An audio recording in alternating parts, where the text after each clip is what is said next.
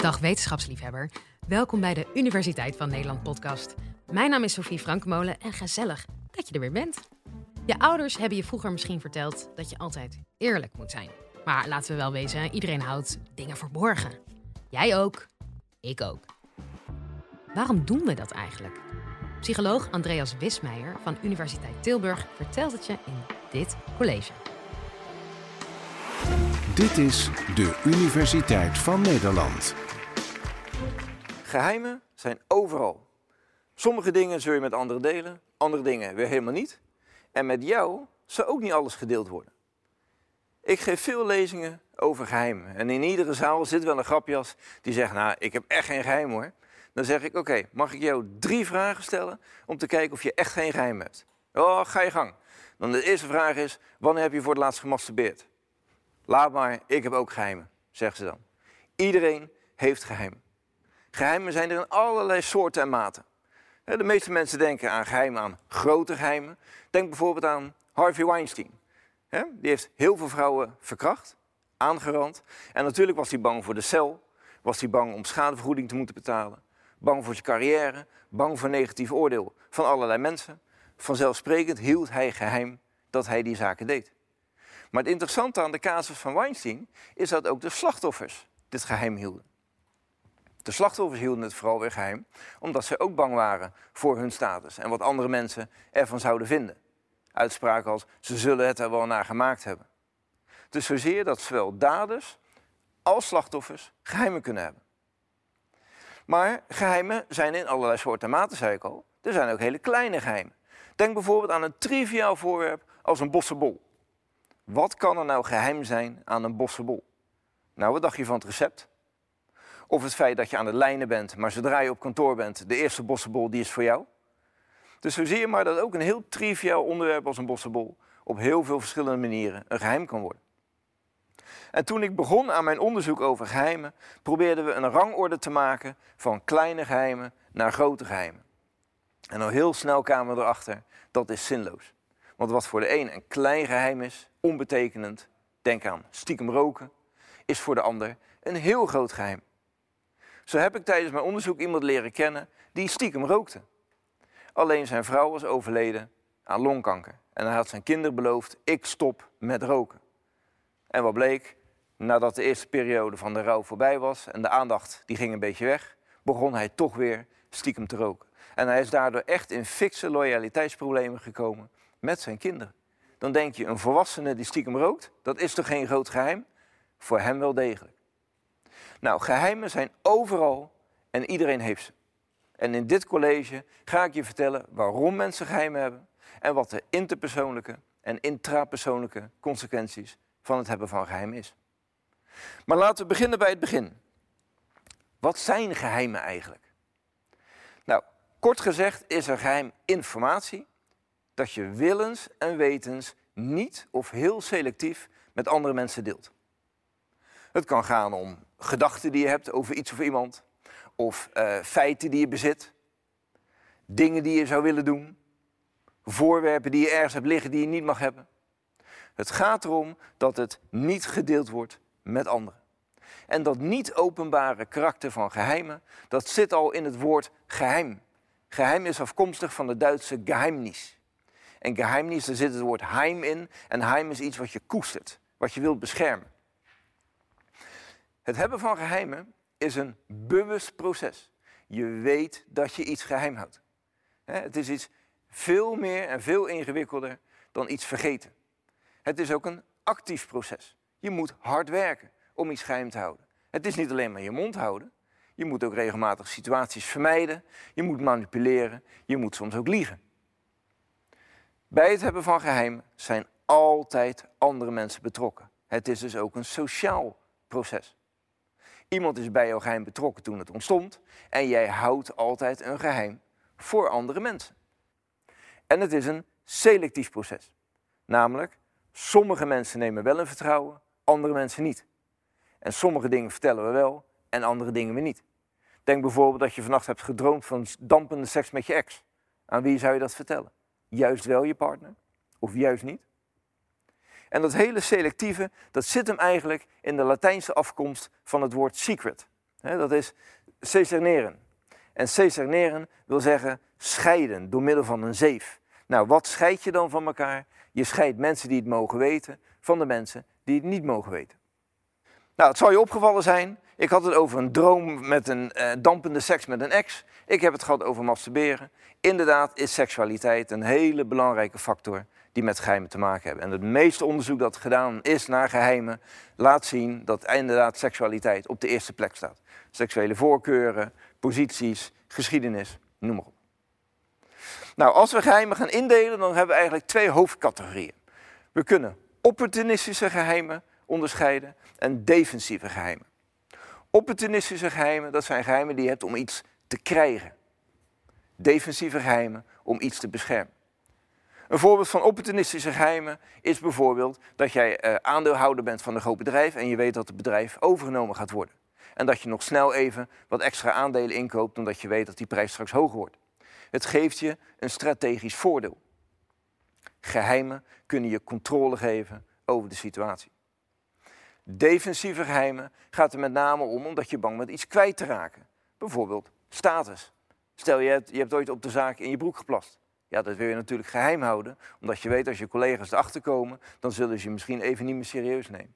Of je bent een hartstikke beroemde voetballer die bekend staat hoe stoer die wel niet is, maar die is eigenlijk dol op breien. Ja, dat zijn dingen die hou je liever voor jezelf. Oké, geheimen hebben dus verschillende soorten. Er zijn twee soorten geheimen. Maar waarom hebben we nou eigenlijk geheimen? Wat leveren geheimen ons nou eigenlijk op? Nou, je moet één ding goed beseffen. Evolutie heeft eerlijkheid eigenlijk een beetje afgestraft.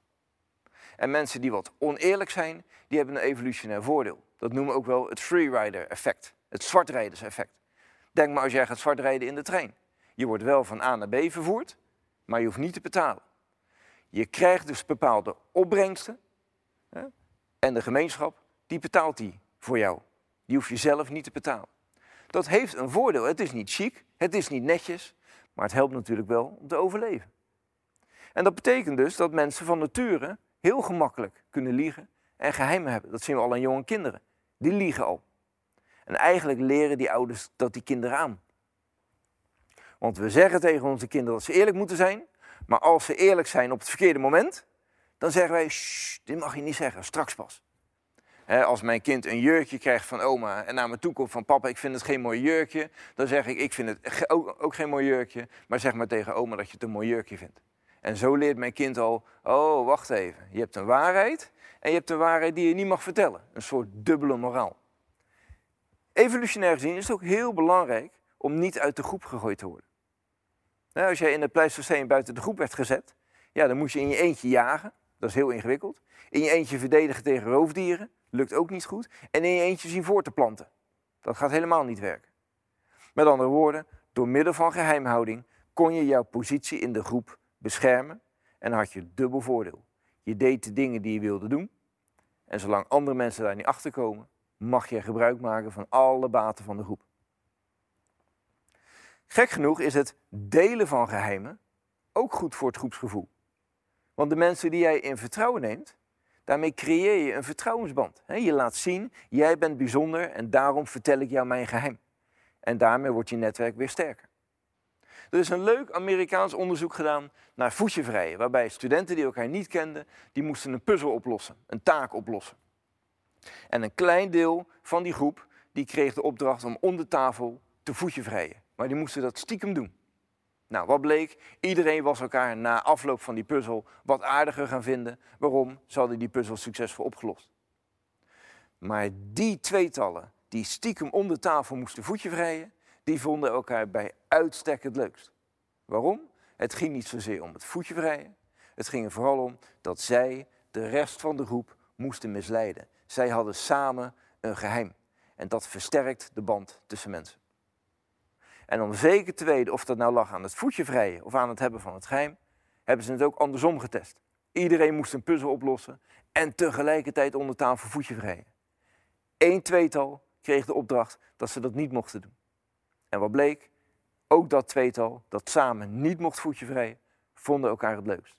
Simpelweg omdat ze samen een geheim hadden voor de rest van de groep. Oké, dus geheimen hebben behoorlijk wat voordelen. Maar geheimen kosten, komen ook met een kostenplaatje. Je moet eigenlijk een soort kosten-batenanalyse maken en die ook nog eens dynamisch is in de tijd.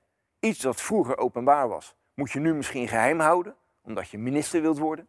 En dus wat je in je studententijd hebt gedaan, mag niet naar buiten komen. Of iets wat je altijd geheim hebt gehouden, kan nu gewoon openbaar worden, omdat het niet meer uitmaakt.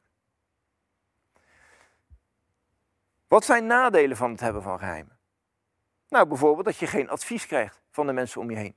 Zolang jij andere mensen niet vertelt wat er aan de hand is, kunnen ze je ook niet helpen. En je weet, vier ogen zien meer dan twee ogen.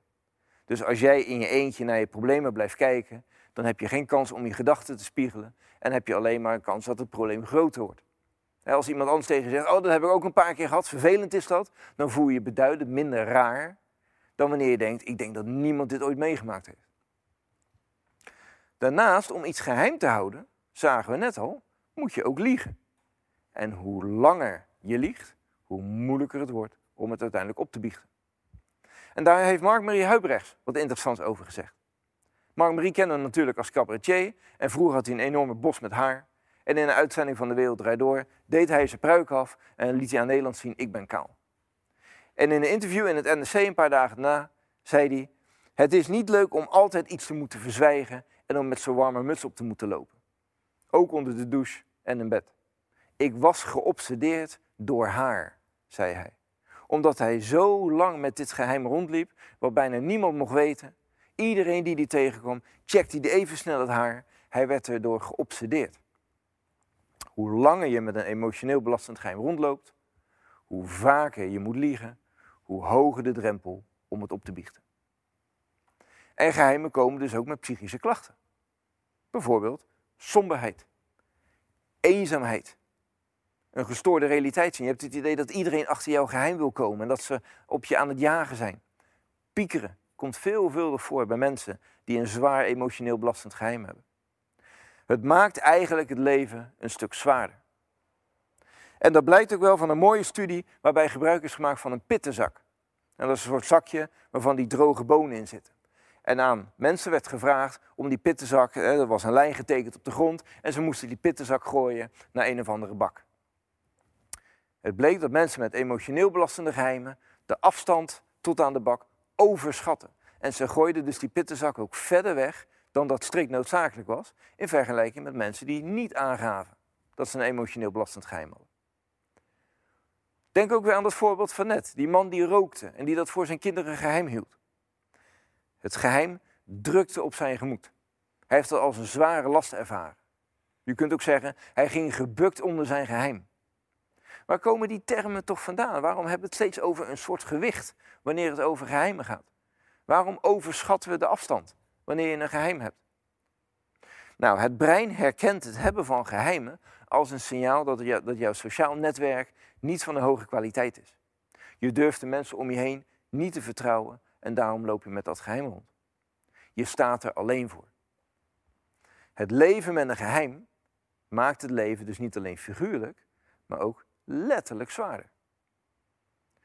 Dus je moet dus oppassen met uh, jeu de boel wanneer een van je vrienden die bal steeds te ver weggooit. Dan moet je hem eens vragen, joh, gaat het wel met je? Het zou zomaar een heel lang gesprek kunnen worden. Oké, dus moeten we dan eerlijk zijn. nu ik al deze nadelen heb opgenoemd, zullen er vast mensen zijn die zeggen, nou zie je wel, eerlijkheid duurt het langst. Hebben die mensen gelijk? Nou, probeer eens een hele dag, nou ik mat je, probeer eens een hele ochtend volledig eerlijk te zijn. Dan moet je de rest van de middag gebruiken om de boel te repareren. Want leugens zijn als het ware een sociaal smeermiddel. Ze zorgen ervoor dat we gemakkelijker door één deur kunnen gaan. Het wordt eigenlijk ook van ons verwacht. Tegelijkertijd kun je door middel van geheimen ook de mensen om je heen beschermen. misschien heeft je nieuwe partner een crimineel verleden, die heeft een keer in de bak gezeten. Als je dat direct aan je ouders vertelt, dan staat hij al met 1-0 achter. Laat je ouders eerst het kennis maken met hem en dan komt daarna dat verhaal wel. Dus volledige eerlijkheid, dat is best wel ingewikkeld. Volledige geheimhouding, dat is ook niet aan te raden. Het beste is, ja, ergens daartussenin. En eigenlijk doe je dat al. Want we kennen allemaal de uitspraak, we nemen ons geheim mee het graf in. Maar hoe vaak gebeurt dat eigenlijk? Nou, dat weten we natuurlijk niet. Maar de meeste geheimen vinden wel tussendoor een weg naar buiten. Denk aan je eigen geheim. Die heb je waarschijnlijk wel met iemand gedeeld. En misschien niet alles, maar gedeeld. je hebt bijvoorbeeld verteld dat je een paar tentamens niet hebt gehaald dit jaar. Terwijl je eigenlijk geen enkel tentamen dit jaar hebt gehaald. Dus hoe kun je nou een keuze maken? Hè? Hoe kun je nou bepalen wanneer moet ik iets opbiechten en wanneer kan ik het beter geheim houden? Nou, dat is best ingewikkeld, maar ik heb een beslisboom gemaakt die kan misschien helpen. De eerste vraag die je moet stellen is, is mijn geheim belastend? Heb ik er last van? Als je merkt dat je gaat piekeren en dat je er last van hebt, doe iets met het geheim. Dat kan zijn aan iemand vertellen, het kan zijn opschrijven. Doe iets. Heb je een vertrouweling om je heen? Iemand die discreet is, oordeelvrij en die jou wil helpen? Probeer die persoon dan in vertrouwen te nemen. En dat is best spannend, maar dat is de beste persoon die je hebt. Heb je die niet, dan zou je het bijvoorbeeld in een dagboek kunnen opschrijven, zodat je in ieder geval op papier je gedachten kunt ordenen. Staat er iemand echter op het punt om jouw geheim te ontdekken, dan kun je het beter zelf opbiechten. Want als mensen erachter komen voordat jij het hebt kunnen opbiechten, dan is de emotionele schade is groter. Bedenk wel, wat voor gevolg heeft het voor de ander als ik het geheim deel? Zadel ik die ander met een groot probleem op? dan ben ik het wel kwijt, maar zadel ik een ander ermee op? Daar moet je toch ook wel even goed over nadenken. Conclusie, iedereen heeft geheimen en ze zijn ook ontzettend nuttig. Maar geheimen komen ook met flinke kosten. Dus niet altijd iets geheim houden, maar ook niet altijd eerlijk zijn. Probeer er een tussenweg in te vinden en denk goed na waarom je een geheim hebt, hoeveel last je eraan hebt, wat je zou willen delen, aan wie. En let voortaan een heel stuk beter op wanneer je de boel speelt. Want wie weet vind je wel een heel groot geheim. Dank voor jullie aandacht. Dat was Andreas Wismeijer. Vond je het nou een leuk college? Maak er dan geen geheim van en laat het ons weten via je podcast-app. En ben of ken jij een wetenschapper die je hier ook heel graag zou horen met een inspirerend verhaal? Mail ons dan je tips via podcast.universiteitvannederland.nl. Tot de volgende aflevering.